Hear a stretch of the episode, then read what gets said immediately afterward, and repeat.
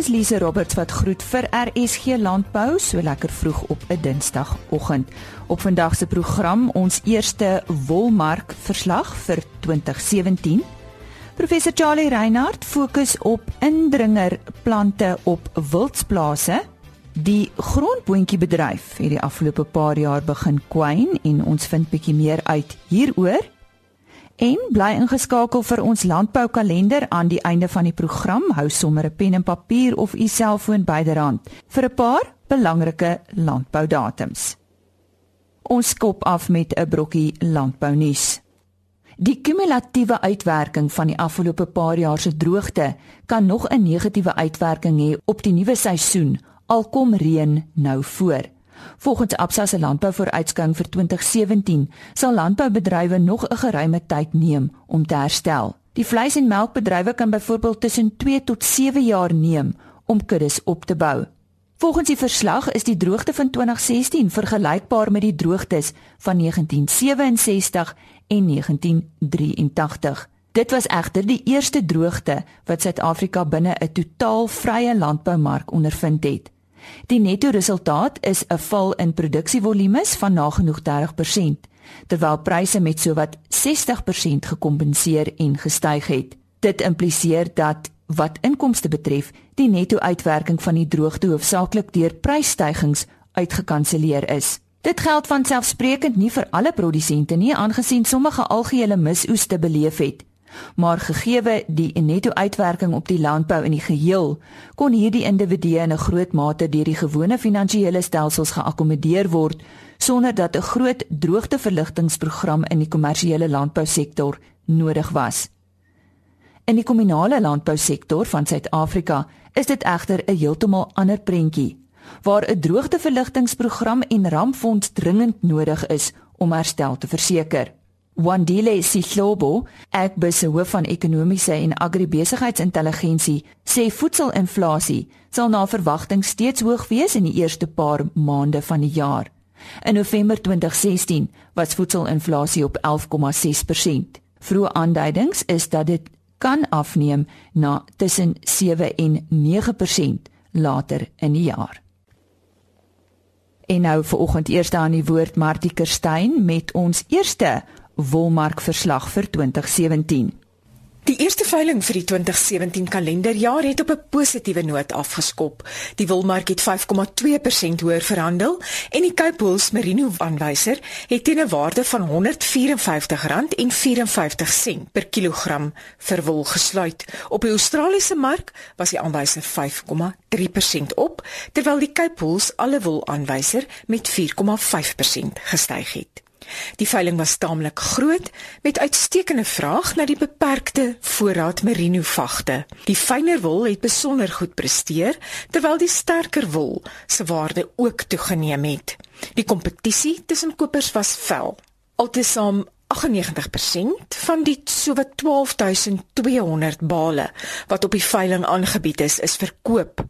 Die grootste kopers op die veiling was Modiano met 3868 bale, Limpier Suid-Afrika 3127 bale, Standard Wool SA 2538 bale en Stuken & Company 1820 bale.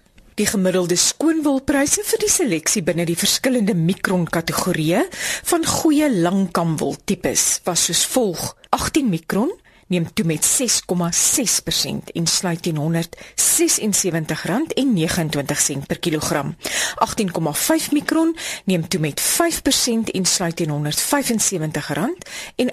per kilogram. 19 mikron styg met 5,6% en sluit teen R169,64 per kilogram. 19,5 mikron styg ook met 5,2% en sluit teen R161,07 per kilogram. 20 mikron verhoog met 5,7% tot op R157,60 per kilogram. 20,5 mikron is 5,3% sterker tot op R148,04 per kilogram. 21 mikron neem toe met 4,9% tot op R146,73 per kilogram. 21,5 mikron mikron verhoog 6,4% en sluit op R145,91 per kilogram. 22 mikron verhandel 6,3% hoër en sluit teen R144,12 per kilogram. En laastens 22,5 mikron verhandel 4,1% sterker en sluit teen R143,54 per kilogram. Die volgende veiling sal op 18 Januarie in Port Elizabeth plaasvind, sowat 14000 bale wol sal aangebied word. Aan die woord daar Martie Kerstyn. Bosindringing en die verspreiding van uitheemse spesies kan aanleiding gee tot die vernietiging van kosbare habitat vir wild. Die toename in ongewenste bosse en bome kan ook die produktiwiteit en waterhou vermoë van die weiveld, biome en ekosisteme laat agteruitgaan. Ek gesels nou met professor Charlie Reinhardt, buitengewone professor in onkruidwetenskap aan beide die Universiteit van Pretoria en Stellenbosch en ook dekaan van die Villa Akademie oor hierdie probleem. Charlie, verduidelik net eers vir ons wat word bedoel met die term bosindringing. Goeiemôre Lize, goeiemôre luisteraars. Uh, bosindringing verwys na verdigting, oormatige verdigting van inheemse plantsoorte. Ons praat dus nou nie daarbey ingesluit is nou nie uitheemse indringerplante nie, dis 'n 'n ander onderwerp weer. En wat gee aanleiding tot hierdie bosindringing, veral as ons nou vandag fokus op wildsplase? Daar basies drie redes daarvoor. Die eerste een is oorbeweiding. En uh, dit is nou maar suiwer waar uh, veral die graskomponent uh onderdruk word deur struike en bome. Basies verdring word oor tyd deur struike en bome, so jou graskomponent neem af in die proses van oorbeweiding. En dit is sal natuurlik nou behels oorbeweiding deur hoofsaaklik grasveters. Ons konsentreer nou wel op uh, wild wildboerdery vandag, maar daar is natuurlik baie wildsoorte wat ook spesialis grasveters is. So dieselfde beginsels sou geld in geval van beesplase, veeplase. Nou oorbeweiding is dus 'n groot faktor. En nou wil ek net vinnig noem, jy weet ek kry baie keer die reaksie van mense dat ja, maar ek oorbewei nie. Ek het al 20 jaar op die plaas en ek het nog nooit oorbewei nie. Mens moet in gedagte hou dat die effek van oorbeweiding neem pos oor 50, 100 jaar. En uh, jy het dus oorbeweiding waarskynlik oorbeweiding geërf en en dit is nou jou verantwoordelikheid om dit om te draai. Die ander faktor is die afwesigheid van groot wild. En daar bedoel ons nou eh, diere soos olifante, kameelperde, renosters wat op hulle eie goeie uh, heerders is van struike en bome en wat dan toelaat dat die graskomponent kan gedei. En dan 'n derde faktor is die afwesigheid van brand warm brande spesifiek. En want warm brande sorg dat uh, struike en bome veral die aanwas daarvan in toom gehou word en bevorder dan nou die graskomponent. So dis die drie belangrikste faktore: oorbeweiding, ja besigheid van groot wild, die regte groot wild en dan die besigheid van warm brande. Sê vir my Charlie, word grondeienaars wetlik verplig om hierdie spesies uit te roei? Kyk, ek het bekend doen dat bosverdigting assosieer ons met inheemse plante. So daar's geen wet wat jou verplig om inheemse plante te beheer nie. Die uitheemse plante is natuurlik uh, onderhewig aan wetgewing wat mense grondeienaars forceer om hulle te beheer volgens wet. Maar met bosverdigting is dit nou maar 'n ja, die verantwoordelikheid van die grondeienaar want natuurlik die draagkapasiteit, né? Draagkapasiteit van jou van jou grond word deur bosverdigting beïnvloed. Hoe meer uh, erger die probleem van bosverdigting is, hoe laer is die aantal groot eenhede wat jy per hektaar kan aanhou. Wat is die omvang van die probleem op plase in Suid-Afrika, weet jy? Ek dink enige plek waar heininge uh, ter sprake is, waar diere ehm uh, verhoed word om te kan trek, spesifiek wild weet wild in die ou dae voor daar heininge was kon wild beweeg, hulle het intensiewe beweiding toegepas en dan klaar beweeg. So uh, die veld kon weer geleentheid kry om te herstel. En uh, deze het ons dit nie. So diere word ingehok, letterlik ingehok op relatief klein areas. Dit is nou as jy uh, praat van groot getalle diere op 'n bepaalde area waar die die eintlike potensiaal van die grond hoe skry in terme van draagkrag en dan is die probleem wat gaan volg is oorbeweiding. Kan wildspesies ook 'n rol speel in die bekamping van bosindringing? 'n Wildspesies, uh, natuurlik groot wild, ek het genoem dat uh, die groot diere, die blaarvreters, struik en boomvreters, hulle kan natuurlik 'n rol speel om uh, bosverdigting te bekamp. Kom ons gesels oor die uh, beheermaatreëls. Uh, wat stel jy voor as jy vir ons 'n paar riglyne kan gee? Ja. Die warm brand is natuurlik 'n manier om uh, bosverdigting te bekamp. Maar jy weet as jy eers bosverdigting as 'n probleem het, dan is jou graskomponent baie laag en in erge gevalle feitelik afwesig. En 'n uh, 'n goeie hoeveelheid gras is nodig warm brande te veroorsaak. So dit is eintlik 'n 'n probleemsituasie. Jy moet jy moet uh, brand begin staat maak voordat jou probleem te erg is. En dit is dan die een een faktor is is brand, dan is daar ook meganiese beheer waar mense uh, die bome kan afkap, lik afkap op die plek verbrand of verwyder. Verwydering is nie 'n goeie idee nie want so verwyder jy natuurlik voedingselemente wat dan nou nie weer gehersirkuleer word nie in die natuur nie. So die beste is om dit net daar te los van jy het dit afgekap het. Dit bied ook dan natuurlik uh, beskerming teen grasse en ander kruidagtige plante wat nou weer daar gaan ontwikkel. Uh, waar die diere dit nie te takke dadelik kan bykom nie. So dis 'n goeie maatreel, meganiese beheer. En dan natuurlik is daar chemiese beheer met behulp van onkruiddoders. En dan wil ek net uh, 'n pleidooi lewer hierso vir verantwoordelike gebruik van van onkruiddoders. Uh, waar mense byvoorbeeld met 'n vliegtuig en dit is 'n baie gewilde manier van onkruiddoders toediening want dit is vinnig en is relatief goedkoop. Maar dit is nie diskriminerend. Jy weet jy ja, jy maak basies alle kruide, struike en bome kan jy ons doodmaak of beskadig. En ehm um, nie noodwendig net die teikenplant nie. Nou die onkruiddoders wat gewild is vir gebruik soos hierdie uh onderskei gewoonlik tussen uh struike en bome en grasse. So hulle sal nou nie gras beïnvloed nie.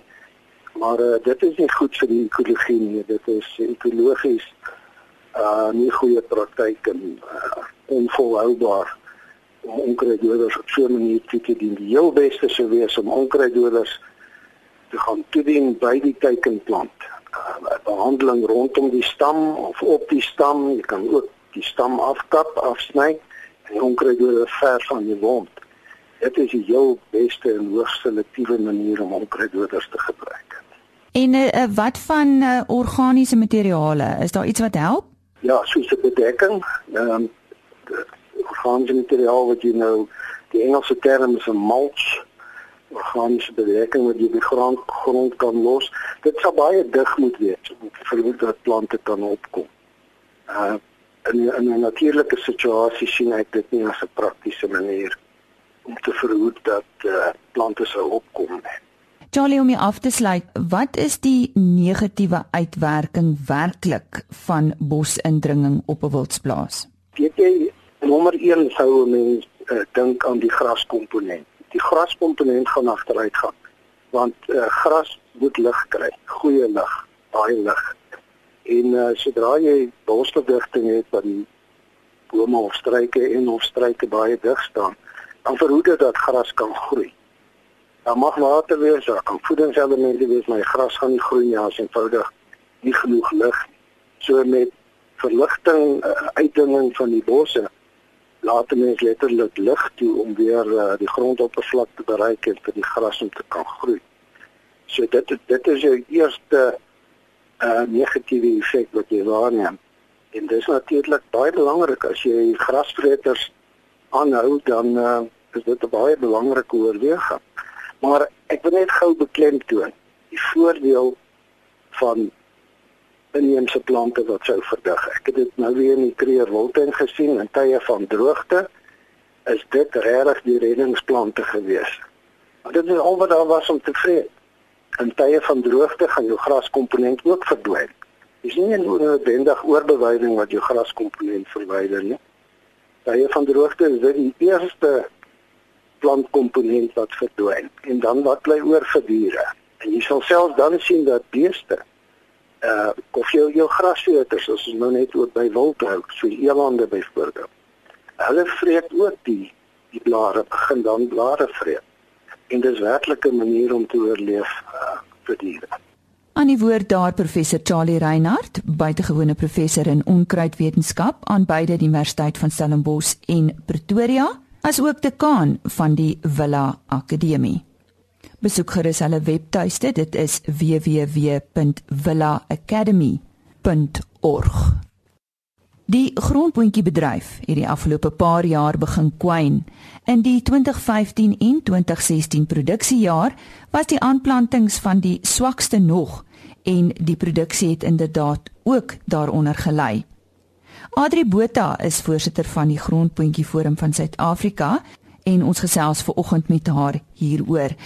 Adri, hoe lyk die grondpotjie bedryf regtig tans in Suid-Afrika?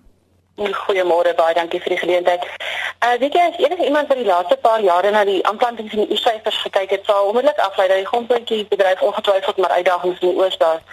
Uh ons het die effek van die voortsleepende droogte nie gespaar nie en 2016 iets was ons dan maar die laaste op rekord. Maar dit gesê vir baie in die industrie dat ons by omkeerpunt gekom het en dat die daar baie positiewe uitkyk in die toekoms is. Almina siklus het genadig het eers sy koers gekry en ons is hoopvol ten opsigte van die aanplantings en die winsgewendheid van die komende seisoene. Ehm um, die invoerpryse die mielies het vir 'n tyd lank het meer winsgewend gemaak vir mielies, maar ons kan daarom nou verwag dat die kompetitiwiteit van grondbone weer sal begin verbeter. Uh verder plaaslik en verder in Suidelike Afrika is grondboontjies baie gewild in ons verbruikers. Met die geleidelike en stabiele toename in die middelklas het ons 'n groeiende mark wat hierdie produkte in sy verskeie forme ken en en na vra. As gevolg van die noodgedwonge verhoogde invoere het die pryse ongelukkig gestyg, maar met die uh, vooruitsig van hoë aanplantingsgeld, bekostigbaarheid en bewusmakingsgeld tot die verbruiker en naby ehm um, toekoms dan weer vir ons uh, stimuleer daarmee saam met Suid-Afrika vir baie jare voorkeur verskaffer aan verskeie kopers in veral Europa en Japan. En ons kopers daar het steeds 'n baie gesonde aanvraag vir ons produk, maar hulle vind dit bietjie haas onmoontlik om ons vervallige verskaffing in hulle aankoopstrategie te hanteer. Uh, die groter en meer stabiele aanplantings is dus ook ons grootste wens sodat hierdie plaaslike en uitvoermarkte daarin weer vir 'n uh, volle uh, potensiaal ontgin kan word. Maar hoe vergelyk dit nou met die res van die wêreld se produserende lande en wie is hulle? Weet nie of Afrika regtig in terme van volume nie vergelykbaar met die groot lande soos VS, China en, en selfs Indië nie. Maar ons verdien ons plek in die wêreldmark met kwaliteit, smaak en veral die voorkoms van ons spesifieke grondbone. Van ons grootste uitdagings plaas dit wentel rondom beskikbare kultivars. Uh, die LNR het oor die jare heen uitstekende kultivars beskikbaar gestel. Uh, maar inligting en dit kom veral uit die droë land, wys daarop dat opbrengs vir 'n tyd 'n afwaartse tendens getoon het. En ongelukkig kan ons nie kers vas in die ontwikkeling en navorsing wat byvoorbeeld in die lande soos VSA en Argentinië gedoen word nie. En bly daar 'n groot behoefte aan wyeer toegang tot nuwe materiaal wat 'n beter opbrengs per hektaar sal bied, maar nog steeds aan die plaaslike en internasionale kopers se voorkeure sal voldoen. Uh, ons het verskeie private inisiatiewe gesien die laaste jare met vermoënde resultate wat geloods is om na hierdie nuwe kultivars te soek. Die wêreld raak gelukkig kleiner en ons is meer so geïsoleerd as wat ons 'n paar jaar terug was nie. Die buitelandse entiteite raak nou meer genoeg om plaaslik te investeer en daarmee saam kom toegang tot hierdie nuwe tegniese kundigheid en genetika. Maar boonbehalwe hierdie private projekte word daar tans vanaf die Oliesara Advieskomitee en die Olie en Produksiesaad Ontwikkelingstrust se kant aandag geskenk om die plaaslike evaluering van internasionale dan nou kultivars uit te brei. En ons gesien in die dae van die Oliesade raad Dis groot beleggings in die bedryf gedoen en vir baie jare het ons hier ons markte gekom bedien. Maar so wat tussen 95 tot so 'n paar jaar gelede was daar nie werklik uitbreiding van kapasiteit nie. Net sekere groot rolspelers op verskeie redes uitgetree. Die mening word gehuldig dat daar in die laaste 5 jaar egter weer groot investering plaasgevind het. Sekere sê tot soveel as 0.5 miljoen rand net in die laaste 3 jaar wat 'n substansiële toename in kapasiteit en tegnologie tot gevolg gehad het. Nou, volgens kommentaar uit die industrie kan ons self binne 'n kwessie van 2 tot 3 jaar op dieselfde vlak as hierdie vooraanstaande oorseese verskafferslande sien, sou ons 'n langtermyn siening neem rondom opdatering van kundigheid en tegnologie. Hmm. Maar wa, wat is die redes dat die produsente al hoe minder begin word het? Is dit maar hoofsaaklik uh, onvoldoende navorsing? Wat wat dink jy? Weet jy die vraag word baie gereeld gevra en, en, en weinig uitsondering is die antwoord arbeid en opwek. Um, ons het 'n substansiële impak gesien toe groot kommersiële boere begin wegbeweeg van grondbone. Hoofsaaklik maar omdat die aanlegte nie ingerig was om losmaatinname te hanteer nie. Ons soos ons net nou genoem het, het groter aanlegte in die laaste jare begin om die nodige aanpassings te doen ten opsigte van inname en droging en bergingskapasiteit.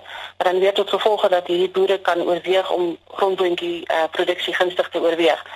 Uh, dit gaan dus heel moontlik eerder oor die grootte van die produsente wat ons gesien um, wegbeweeg het as noodwendig die aantal. Maar dan is daar natuurlik die legio ander oorsake ook. Ehm um, ons het in sekere areas veral hartsateromgewing ehm um, is van die betroubare besproeiingsproduksie verloor met die oorskakeling na byvoorbeeld uh, pekanete. En baie boere was ook nie baie opgewonde oor die statutêre audit vereistes ten opsigte van goeie verbouingspraktyke wat op grondbone van toepassing gemaak is nie. Eh uh, van die boere in die Vrystaat vertel vir ons dat erge gebug gaan onder die effek van winderosie. En dan is kapitaalinvestering vir gewas spesifieke toerusting. Uh dat sommige boere teenoor dink of soja en sonneblom dan net tog maar 'n beter opsie is nie. En dan natuurlik die later in die afgelope paar jare het 'n groot impak op aanplantingsbesluite gehad uh wat wat deel van hierdie tendens was. Is daar darem hoop vir die volgende produksiejaar uh, Adri? Hoe, hoe voel die produsente om weer terug te keer na die bedryf toe? Wat hoor jy? Ek weet jy daar's ons daarom gelukkig altyd hoop. En uh, die huidige aanplanting lyk na berigte vir ons baie goed en op die rug van die droogte is dit eintlik slegs net beperk vir die beskikbaarheid van saad. Die eerste aanduidings wat gedurende middel Oktober gekry was is dat boere beplan het om sowat 48% of dan amper 11000 hektaar meer te plant as in die vorige seisoen. Uh, maar na die opname het die reën genadiglik gekom en ons is almal baie nuuskierig om die einde van die maand die voorlopige oppervlakte te sien. Alhoewel sommige bedenkinge het oor die uitbreiding in die droëland voor ander dat produksie oor die volgende jare net kan toeneem, gebaseer op die kommoditeit se waterbehoefte asook die laer insetkoste en hoër winsgewendheid wanneer dit byvoorbeeld met mielies vergelyk word. Meer voordele wat 'n mens dink ver kan gaan om die ander uitdagings te oorskadu. Asook 'n groot mate van opgewondenheid en belangstelling in die nuwe kultivars beskikbaar kan kom, En ons moet nie vergeet die grondbone bly altyd 'n winsgewende gewas en baie produsente sien hulle self steeds as primêr grondboonboere. Wanneer die omstandighede dit toelaat bereik is om in die gewas te belê. En dan soos dit terloops, uh, iemand vertel my die week dat die stad families van landerye af nou versekerde boere verdere aansporing is om eerder grondboontjies te plant.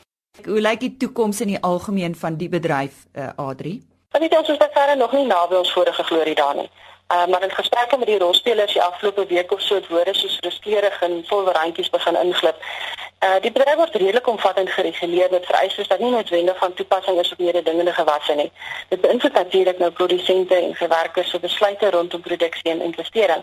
Maar ons moet ook nie die oog verloor en dat dit juis die toepassing van hierdie standaarde is wat ons in staat stel om internasionaal relevant te bly die vereistes wat deur plaaslike internasionale kopers gestel word gaan gaan nie ehm um, verslap nie wat kan dalk eerder toeneem wat noodwendig beteken dat die bemarkingbesluite en sukses van verskaffers nie slegs op ekonomiese beginsels gegrond sal wees nie maar ook sal afhang van die verhoog om volgens hierdie koperstandaarde te lewer.